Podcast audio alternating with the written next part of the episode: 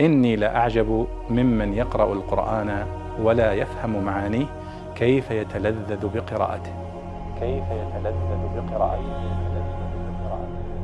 يقول الله سبحانه وتعالى في سورة العاديات في أول السورة والعاديات ضبحا.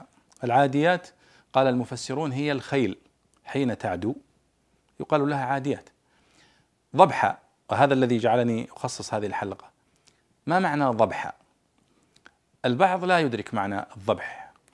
الذي لا يعيش في جو الخيول وتربية الأحصنة وهذا الجو لا يدرك معنى الضبح. الضبح في اللغة هو صوت الخيل حين تجري وحين تعدو.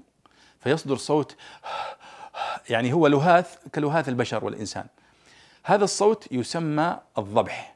يقال ضبحت الخيل إذا أصدرت هذا الصوت عند جريها وعند عدوها.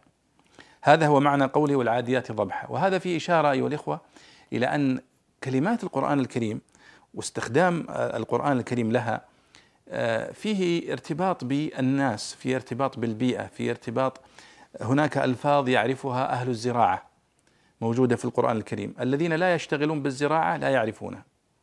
مثلا آه، صنوان وغير صنوان وقنوان دانية ومن ثمرات النخيل والأعناب. هذه يعني كلمات يعرفها أهل المدينة المنورة لأنهم أهل زراعة. آه، قريش عندما نزل القرآن الكريم على النبي في مكة كانت ألفاظ متصلة بالتجارة ومتصلة بالحج متصلة بأهل مكة. البيئة لها دور. فكذلك هنا البيئة الذين يتعاملون مع الخيل ومع الأحصنة يدركون معنى الضبح أن الضبح هو صوت الخيل إذا عدت والفرس. لكن الذين لا يتعاملون مع الخيل ولا ربما تغيب عنهم دلالة هذه المفردة. وش معنى كلمة ضبحة فإذا إذا قلت والعاديات ضبحا يعني الله سبحانه وتعالى يقسم بالخيل حين تعدو وتصدر صوتا من من صدورها يسمى الضبح اللي هو صوت الخيل إذا جرت وإذا عدت وهناك كتب ترى في هذا آه، الأصوات الكتب كتبها بعض علماء اللغة في الأصوات.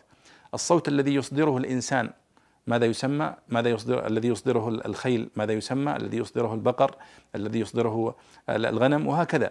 فالعرب دقيقون جدا في استخدام وفي آه، تسمية المسميات. لكل صوت عندهم تسمية معينة.